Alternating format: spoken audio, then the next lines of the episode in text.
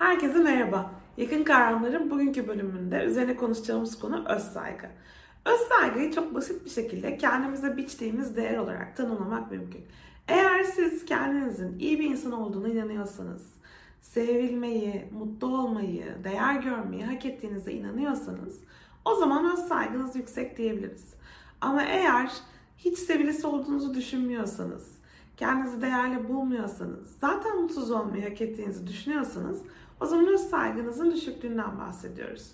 Öz saygının yüksekliği veya düşüklüğü bizim hem kendimizle olan ilişkimizi hem de başkalarıyla olan ilişkimizi belirlediği için aslında psikolojide çok önemli bir kavram haline geliyor. Öz saygısı düşük olan insanlar mutsuz oldukları ilişkiler içerisine girebiliyorlar. Mutsuz oldukları ilişkiler içerisinden çıkamayabiliyorlar ve genel olarak ilişkilerinde kendi ihtiyaçlarını ön plana koymaktan çekiniyorlar. Dahası öz saygısı düşük olan insanlar ilişki başlatma konusunda da diğer insanlara kıyasla daha çekingen. Ne demek istiyorum? Yani eğer birinden hoşlanıyorsanız ve öz saygınız düşükse ilk adım atma olasılığınız çok daha düşük. Öz saygısı düşük olan insanların genel olarak daha kıskanç ve daha kontrolcü oldukları da bilinen bir gerçek. Her zaman kendilerinden daha iyi bir alternatif olduğuna inandıkları için partnerlerinin de o daha iyi alternatifi bulabilme ihtimalleri onları çok korkutuyor.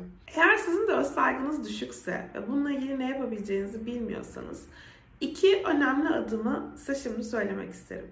Birincisi yaptığınız şeyleri yaparken bunların öz saygınızı dışarıdan besleyecek kaynaklar olup olmadığını sorgulayın.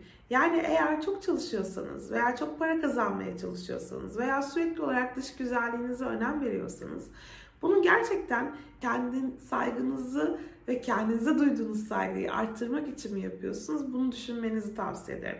Çünkü eğer bunu öz saygınızı dışarıdan beslemek adına yapıyorsanız bunların çok gelip geçici olduğunu kendinize hatırlatmanız faydalı olacaktır. İkincisi eğer öz saygınız düşükse öz saygınızın düşüklüğünü besleyecek insanlarla birlikte oluyor olabilirsiniz. Partnerleriniz, arkadaşlarınız sizi takdir etmektense sürekli olarak sizi eleştiren ve kötü yanlarınızı sürekli gündemde tutan insanlar olabilir. Öz saygısı düşük olan insanların kendilerine biçtikleri değer daha az olduğu için ve kendileri hakkındaki olumsuz yargıları başkalarına onaylatmak istedikleri için genellikle zaten kendilerini çok eleştiren ve hiçbir zaman kendilerinden memnun olmayan insanlarla birlikte olmayı tercih edebiliyorlar. Eğer siz de benzer bir durum içerisindeyseniz etrafınızdaki bu toksik ilişkileri, bu size iyi gelmeyen ilişkileri bir değerlendirmenizi ve mümkünse bu ilişkileri daha iyi olma yönünde değiştirmenizi tavsiye ediyorum. Tabii ki öz saygınızı artıracak başka egzersizler, başka davranış stilleri de mümkün. Aslında bu tüm bunların temelinde size kendi değerinizi, kendi yetkinliğinizi, kendi başarılarınızı hatırlatmak yatıyor. Eğer bunlarla ilgili zorluk çekiyorsanız belki bugüne kadar neler başardığınızı, hangi yönlerinizin iyi olduğunu, hangi yönlerinizi iyileştirme yönünde adımlar attığınızı yazabilir ve en azından bunlardan yararlanabilirsiniz. Bugün bizi dinlediğiniz için çok teşekkür ederim. Yakın kavramların bu bölümünde öz saygı hakkında konuştuk.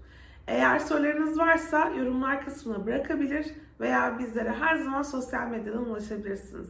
Hepinize sevgilerimi gönderiyorum.